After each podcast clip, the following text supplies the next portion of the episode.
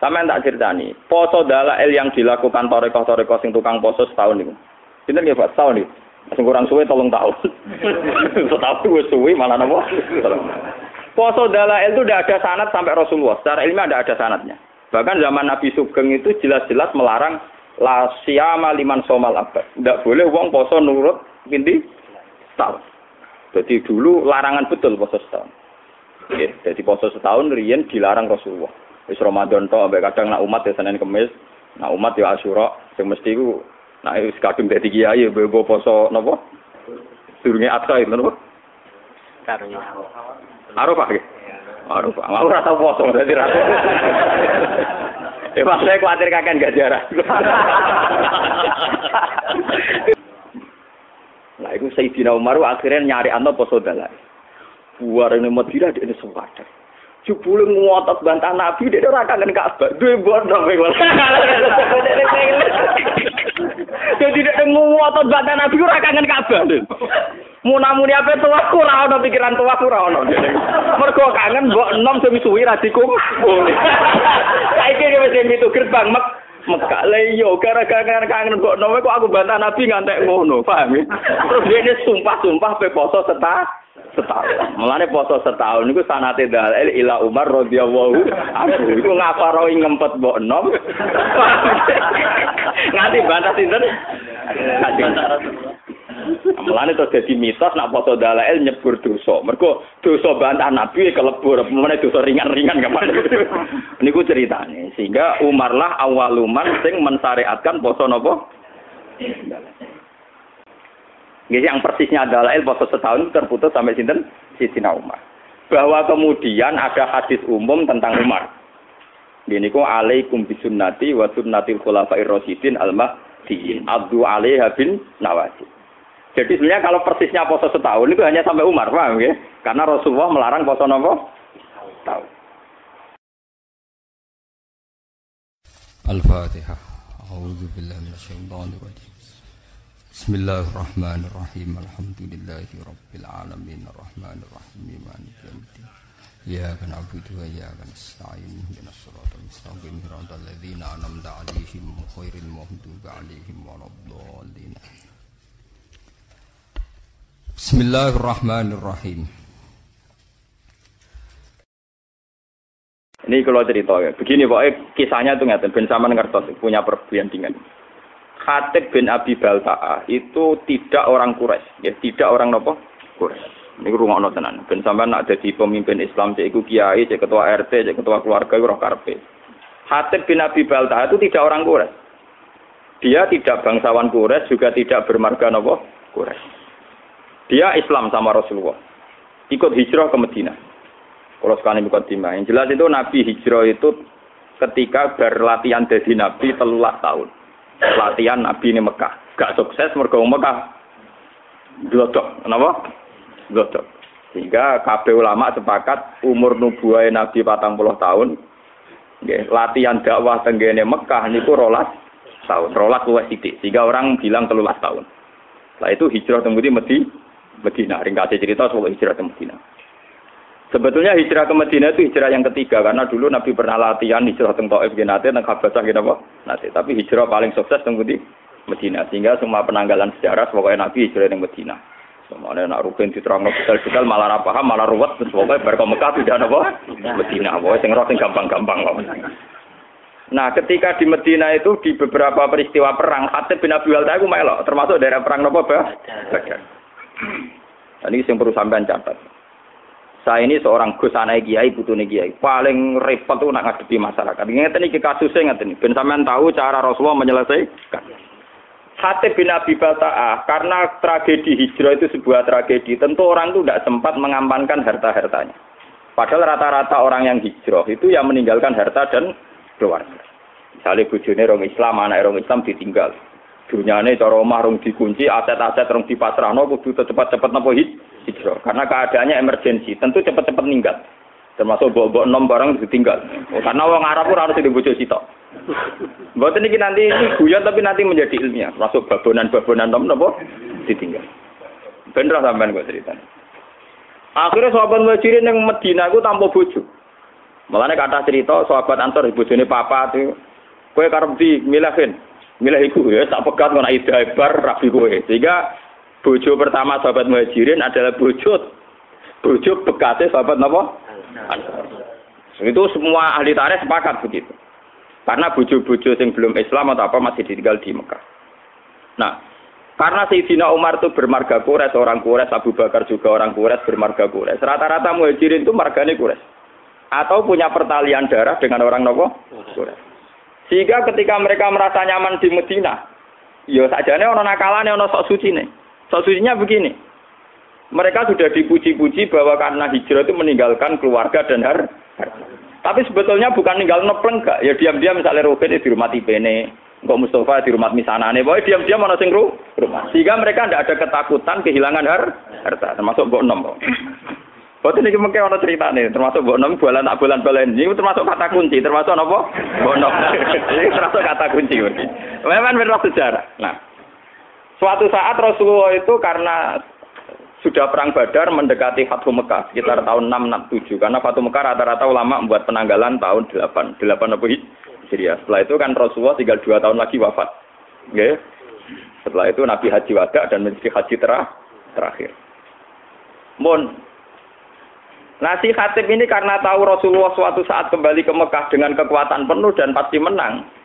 Perlu dicatat, Khatib ini sudah tahu kekuatan penuh Rasulullah. Rasulullah sekarang orang yang sukses, punya pasukan yang terampil, semuanya punya orang loyalis, loyalis, loyalis yang hebat. Mesti nak masuk Mekah itu menang. Kan? Wong perang Badar ya menang wong Islam beberapa perang menang napa wong Is. Akhirnya Khatib kirim surat.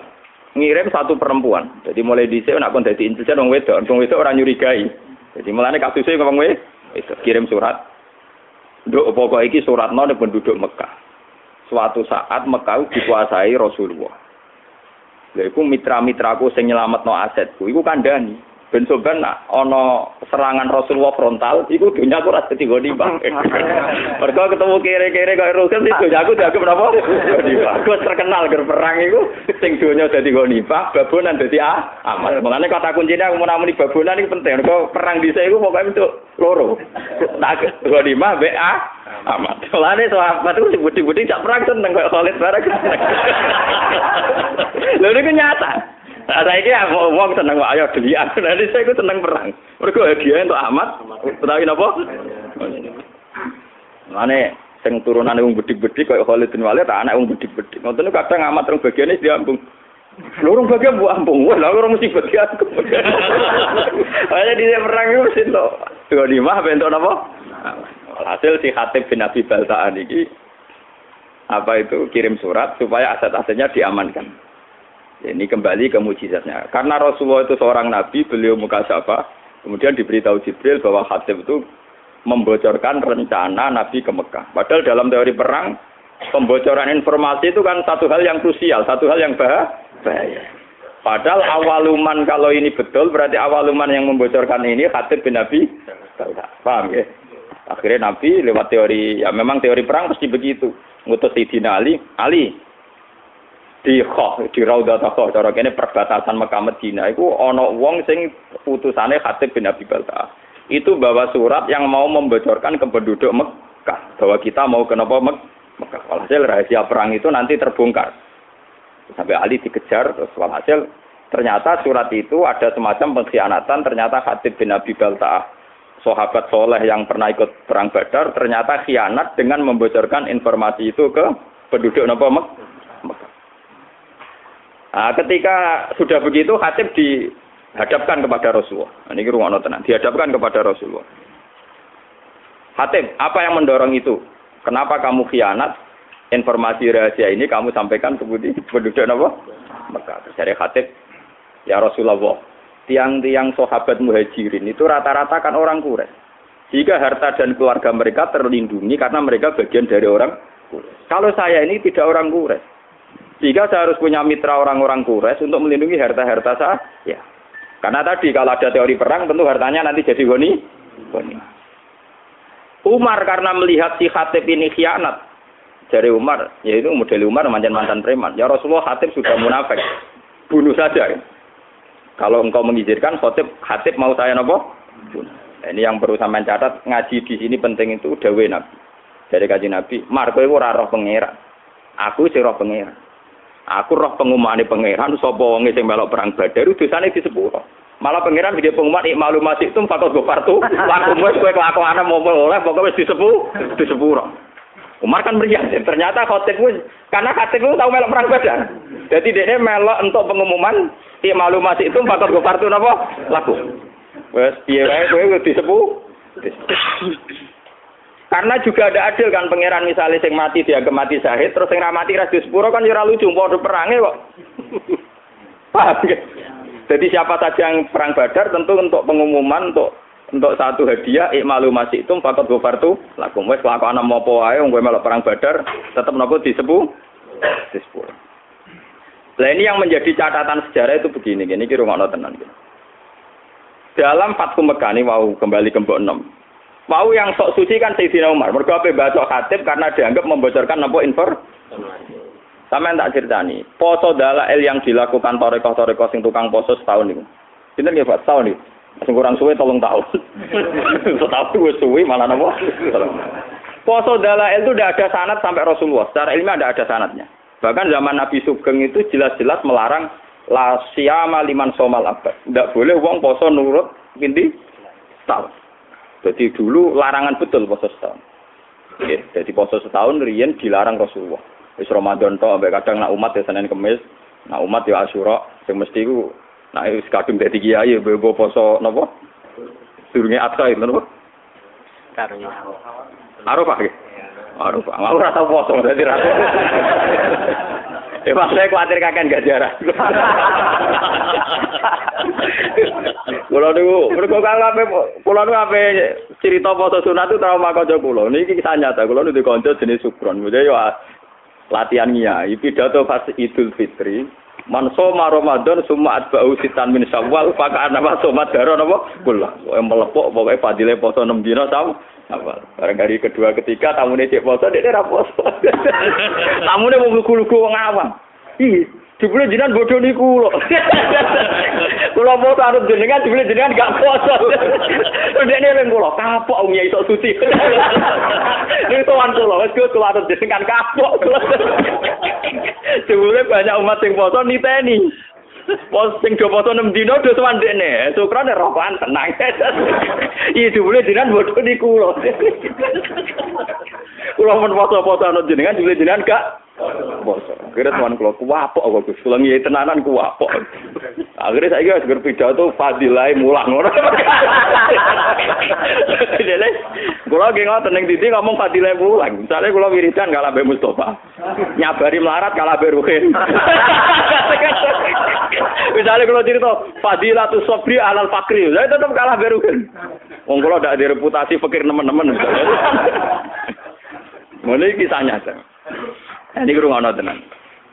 Yang perlu dicatat, Umar ini balik ke foto dalail.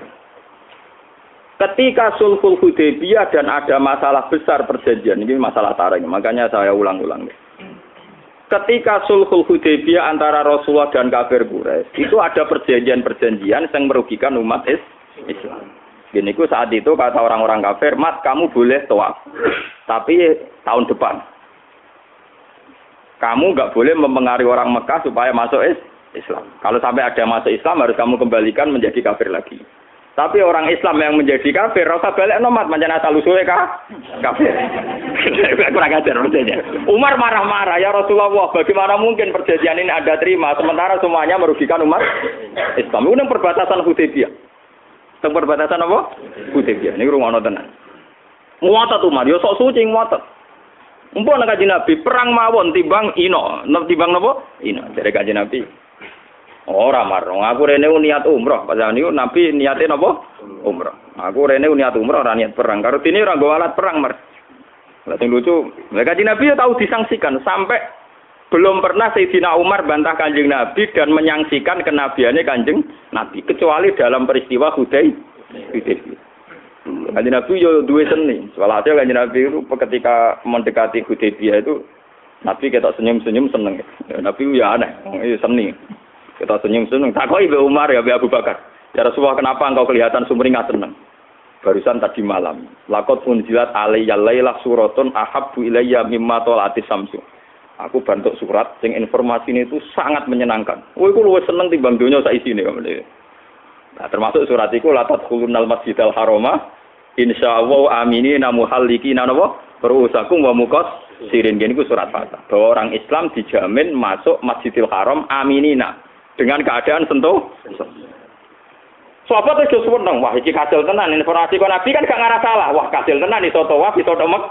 Ternyata usul Hudaybiyah ada prob problem. Ning rumah orang gitu Hudaybiyah ada nopo? Problem. Umar di kesempatan. Lah jenengan dhewe sing critono ayat nak kita bakal latat khuluna Masjidil Haram insyaallah ah, amin. Kok malah kejadian yang ngeten ra iso mlebu-mlebu Mekah. Kanjeng Nabi cek jawab aja lu. Ya tapi ayat iku ra muni tahun iki, Mar. tapi ning ayat iku kan ora ono tahun iki, Mar. ya Pak Umar iku, Umar Umar kotom iku sing ada wong tenan. Wes, Gak terima deh, takut Abu Bakar. Abu Bakar jawab ngono. Abu Bakar malah lebih elek nah cakeme. Ya tapi kan ini Allah, Mas. Coba iki cerita, sampeyan ngerti bahwa sahabat itu mangsa terus api antar gua tenaga problem-problem sosial. Lata sekulur nal masjidil haram apa? Insyaallah tuh kalau gue nak ngiyai mesti enak. Kok enak enak? Ya kan ana jaminan saiki. Betul kan, lah repot. Tak sobede ra barbar kan. Yang tim mati tenan. Ini walhasil terus. Ya itu Umar saking mangkel ya. Di luar kendali sampai keterucut meninggal. Ketika informasi itu di luar dugaan dia kan nafsirkan kalau Aminina ya sekarang ya, kenapa? Ternyata tidak jadi sekarang. Jawab Umar sampai Nabi ditanya gini di luar kendali. Alas tak Rasulullah, tapi engkau tetap Rasulullah dan masih Rasulullah. Wah, aku kok Nabi kaget Maksudnya Biasanya nggak informasi kan cos banget. Nah kali ini meleset berarti alat taruh. Jangan-jangan kok sudah ada Rasulullah. Umar saking dari Nabi gak emosi. Ya tapi tetap Rasulullah. Lah semua informasi dari engkau mesti bener. Iya mesti bener. Lah tapi kenapa ada jadi masuk Mekah sekarang? Ya mergo ora tahun ini dari Nabi jaga mergo ora jaminan. Tadi walhasil Nabi menerima konsep Sulhul Hudaybiyah dan akhirnya Nabi kembali ke Madinah tanpa terjadi um umroh. Sampai dua tahun kemudian baru terjadi nopo. Nah itu Sayyidina Umar akhirnya nyari anak poso dalai. Buar ini Madinah di ini sewajar. Jebule ngotot bantah Nabi dia ora kangen Ka'bah. Duwe bodoh kowe. Jadi dia ngotot bantah Nabi ora kangen Ka'bah. Munamuni apa tua aku ora ono pikiran tua aku ora ono. Mergo kangen mbok enom sing suwi ra dikumpul. Saiki wis itu gerbang mek Mekah lah iya gara-gara kangen kok nopo kok aku bantah Nabi ngantek ngono, paham ya? Terus dia sumpah-sumpah pe poso setah setahun. Mulane poso setahun niku sanate dalil ila Umar radhiyallahu anhu. Iku ngaparo ngempet mbok enom. Nganti bantah sinten? Kanjeng Mulane terus dadi mitos nak foto dalail nyebur dosa. Mergo dosa bantah Nabi kelebur, meneh dosa ringan-ringan kapan. Niku ceritane. Sehingga Umar lah awaluman sing mensyariatkan poso napa? Gara-gara mangkel. Gara-gara mbok enom wae dekne bantah Kanjeng Nabi modho nikah bang. Kok tidak sithik meneh kangen toa. Kan ning uteke dhewe ora ana kamu toa ora. Kamu toa mboten en. Lah ini balik tentang Khatib bin Abi Balta. Khatib ini pula juga di nom di keluarga. Paham ya? Nah, malah ini kula ini yang kaitan dengan saya dengan para anak-anak kiai. Maksudnya sing waras sing belum mikir agama. Niku memang kesulitan. Misalnya saya ini hafal Quran, saya ngapalkan hadis. Sampai sekarang saya masih belajar, masih berburu kita. Masih berburu kita. Dan saya menikmati belajar agama, nikmati mulan. Tapi kan tidak semua orang Islam yang punya nasib kayak saya yang punya nikmat kayak saya. Jika saya tidak bisa, ada orang Islam tak dorong pokoknya kan berapal Quran ngalim mesti ditanggung pangeran tidak bisa. Mereka ada yang dari keluarga yang punya tradisi kerja. Kadang dari keluarga yang logikanya harus PNS.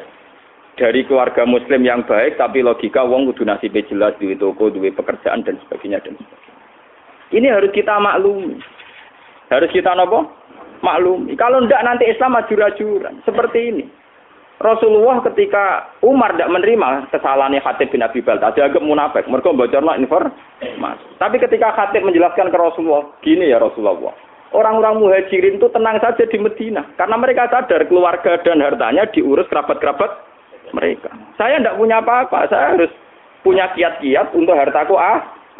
Tapi apa kata Rasulullah? Ternyata Rasulullah, ya kamu ada kepastian dari Allah bahwa Allah Ta'ala innahu qad Allah benerno alasanku. Digamani ngeten, saya ini anaknya kiai. Bapak saya kiai, mbah saya kiai. Umpama aku sangka ngalim nganti tuwek nganti mati ra pekerjaan. Pokoknya anggere mulang istiqomah abad asa. Kuwi kuwi dianggap prestasi. Temen aja to kere klunak-klunuk kukar-kukur ngono dianggap prestasi karena ukuran sukses anak kiai mulang istiqomah. Bayangno misalnya keluarga yang matre atau PNS atau apa. Kan nggak mungkin wong ngono dianggap prestasi. Urip ora jelas. Nah, tentu santri-santri soleh yang dari keluarga ini jangan salah karena orientasinya bis, bisnis. bisnis. Karena ya itu tadi konteksnya beda. Lalu saya biasa debat sama Gus Gus sampai maki-makian. Ini cerita-cerita ilmiah saja bukan. Lan Gus, dengan sinau tenanan perkara ini dihormati dicucuk. Engkau pondok ya jelas mulang jelas. Nak rugen kon sinau tenanan sih ngerti rade pondok. Engkau kita Pak Jowo-Jowo takokane bojone iku dadi dhuwit ta ora. Lenda kan konteksnya beda sekali. Tentu dari keluarga yang punya kesadaran, gak keluarga saya kan gak ngerasa kok. Ya, kena sinau untuk opo kan enggak. Bapak saya ada pernah tanya gitu, bahasa juga ada pernah tanya gitu. Malah narang alim takut sana. Ada dia jirang alim. Nah ini kan ya kasusnya khatib kayak gitu. Makanya ini ya, kenapa ini saya ajarkan di sini biar apa pun kebaikan yang kita sarankan jangan digeneralisir, jangan disama ratakan. Kebaikan tetaplah kebaikan meskipun dengan varian yang berbeda, yang berbeda. Wong saya di desa saya itu berkali-kali kalau saya diberi kesempatan mau itu biasanya saya lima tahun itu pidato sekali, jarang sekali saya mau pidato. Jadi biasanya boleh lima tahun sekali, empat tahun sekali, wong wong kumpul dengan kulo, kepengen kulo pidato. Ini kulo pidato setengah jam. Kalau nak pidato kayak simpel mawon. Sesuai jenis anu saya dan dan senegani pengajian sing saya, buatan gini saya, sing turu gini saya, sing tengah-tengah gini saya. Wong Islam itu gampang. Itu tak ceritani wali sing turu turun. Soal, jadi nek ikhya ono cerita lucu. Ono wali nak rino ku poso, nak bengi niku tahajud. Wes salat sunat apa dilakoni poso model wae napa? Dia karena merasa suci karena amalnya entek ngamek. Dia golek saingan wali. Ya Allah, apa ada wali yang setingkat saya? Ternyata pengiran dituturo wali semen turu. Iku ngilir bedak so salat. Gak terima, jadi saya wali itu tukang turu gak terima. Jadi ini cerita nyata nih. Ya Allah, gimana mungkin orang yang turah turu orang-orang mau tanginya bedak sholat perdu, derajatnya sami kalian ku, kulo. Ya, nara nara paham yo takok to gampang to. Takok. Akhirnya wali sing turah turu takok. He, kowe kok iso sederajat be aku perkara ini. Yo ngaku ibadah rino poso bengi tahajud. Kok kowe ora turu sederajat sampe ah aku. Dari wali sing teratur. Lah iya, kowe mbok rewangi ngono tujuan mesti cita. Ciri utama agama itu satu. Ini ku takwa. Dan ciri utama takwa itu satu ninggal masih maksiat. Dan tidur tuh paling efektif ninggal nopo. Wes aku poso langgar ning pasar tetep bekar-beker. Kowe poso langgar mloka mlaku tetep ora wedok, ora rodo, ora prawan, ora macam-macam. Tetep bersih aku, aku ning kamar, terus aku mau Eksal karo kali pokoknya. Eh bisa. Wes catet tanem delok wedok aku tetep bersih aku. Wong aku ning kamar tuh ora. Piye wae ciri utama takwa ning maksiat dan turu paling efektif. Sadar wali sing waduh, pinter tenan iki. Yo lho iki ilmu kalau siapa niru ya kena ora kena maksudnya cerita ilmu. Tapi itu memang nyata, tentu orang tidur lebih tidak berisiko mak maksiat. Ya ya ini cerita, ciri utama takwa ninggal maksiat dan tidur paling efektif ninggal nopo maksiat. Meriang kok wali sing tukang ibadah. Iya, aku yo mau kamar aku akhirnya ngempat ngempet kira usah ngempet, ngempet apa ning kamar. Paham ya? Ini satu perbandingan. Terus selama ini kita kan misalnya lagi senang pengajian. Wong ngono pengajian kok ora kono keapian kok gak teko. Padahal dalam pengajian itu kita pasti bilang, ngrumat anak iku ibadah, ngrumat ibu iku ibadah. Lah sing anak di pengajian malah wis saiki nglakoni saranem iku ngrumat anake mbok ning omah. Paham? Mulane kiai-kiai sing balik kula kandhani. Kita ini tidak fair. Karena kita senang pengajian, kita jadi mubalik terus bilang ono pengajian barang apik kok ora teko. Padahal dalam pengajian itu kita tetap ngomong ngurmat ibu iku apik, ngurmat anak iku apik. Lah ngomong sing teko malah wis nglakoni iku. Mergo saiki ning ngomong ngurmat anak. Lho ini saya kiai, lho saya ngomong gitu biasa di depan umum. Bagaimana mungkin wong sing wis ngaplikasekno ilmu malah mbok kritik? Paham ya? Mulane kula nak tenaran nggih biasa cerita, sakniki sing teng sawah mboten ngani pengajian kula nggih saya wong ning sawah golek nafkah. Niku nggih sarane kiai, sarane Islam. Tidak niki teng omah ngemat anake nggih sae iku sarane kiai, sarane Islam. Mungkin punya resiko secara nafsu nang datang tidak banyak, tapi kita harus gentleman bahwa itu ya kebaik, kebaikan. Memang butuh kiai nekat kayak saya yang nggak butuh populer. Tapi harus ada ulama yang nekat kayak saya supaya kebenaran itu terjaga. terjaga. Makanya di Ikhya itu ada kitab Fadilatul Kasbi, ada bab Fadilatul Kasbi. Itu dan saya berani ngomong gini di desa saya pun saya berani. Suatu saat Rasulullah itu ngaji dengan para sahabat. Itu Rasulullah, buatan terima kiai, buatan terima balik. Rasulullah, sing dua Islam. Jadi orang terima balik, orang terima kiai. Ya, nabi ngaji. Nah, mesti ya, ngerti kiai ada santri sing kota-kota, Mustafa Mustafa. Wah, santri sing kota-kota ini kan mesti ekstrim. Ono canom, awake kekar, gua pacul, tenang ya, no ngaji diliwati ya, tenang ya. Apa ini kebun kurma? Tenang. Ya liwat ngarepe Rasulullah tenang. Si pemuda-pemuda tadi sing melok ngaji kan. Ya Rasulullah, canommu sik kurang ajar. Wis enom kuat awake cek gak gelem ngaji. Cek rugine wong iku ana Rasulullah ngaji kok gak melok. Jadi apa jawaban Nabi? Kamu jangan bilang demikian. Dia itu kerja untuk nafkahi anak istrinya. Dan itu ya ajaran saya. Malah dia itu nggak mau diajaran. Lu itu nabi, hanya malah saya tambah yakin. Jadi Muhammad nabi tenang. Enggak mau balik. Jadi dia tidak mau balik, gak kiai, gak ada nafsunya sama sekali. Paham ya? Memang butuh hati gede loh, ngomong itu butuh. Butuh hati gede. Karena kita tetap ngaji, manjan goblok ya ngaji kok. Tapi ini cerita, kita ini tidak usah membakukan satu kebenaran satu dua. Mungkin nanti egus kudu ngalim takdir apa sing rapati gus rapati ngalim tapi amen pidato sing maslahat gawe masjid urusan bangunan. Lan aku yo coba melok melok lek malah raro aku malah repot. Lah padha sing aku ngaji malah melingkar kabeh maknane malah. Ini kan urusan pembagian apa tuh makanya Sayyidina Umar disalahkan oleh Rasulullah. Kamu jangan begitu. Ternyata Khatib bin Abi Balta punya pertimbangan tertentu Umar sing sok suci tadi ternyata pertimbangannya bondo. terus dia mau angkel abe dhewe terus foto nopo adalah go ngaparoi bantah Nabi demi mbok bondo. Semenjak niku terus dalail jadi syariat. Mulane sanad dalail sebenarnya terputus sampai Umar.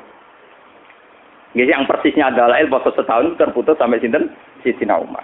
Bahwa kemudian ada hadis umum tentang Umar. Ini kok alaikum bisunnati wa sunnatil khulafair rasyidin al mahdiin. Abdu alaiha bin nawasi. Jadi sebenarnya kalau persisnya poso setahun itu hanya sampai Umar, paham ya? Karena Rasulullah melarang poso nopo tahun. Subhanallah wa bihamdihi adada khalqi wa ridha nafsihi wa zinata arshih data kalimati. Subhanallah wa bihamdihi adada khalqi wa ridha nafsihi wa zinata arshih data kalimati. Subhanallah wa bihamdihi adada khalqi wa ridha nafsihi wa zinata arshih data kalimati Subhanallah wa bihamdihi adada khalqi wa ridha nafsihi wa zinata arshih data kalimati. Subhanallah wa bihamdihi adada khalqi wa ridha nafsihi wa zinata arshih data kalimati. Subhanallah wa bihamdihi adada khalqi wa ridha nafsihi wa zinata arshih data kalimati. Subhanallah wa bihamdihi adada khalqi wa ridha nafsihi wa zinata arshih data kalimati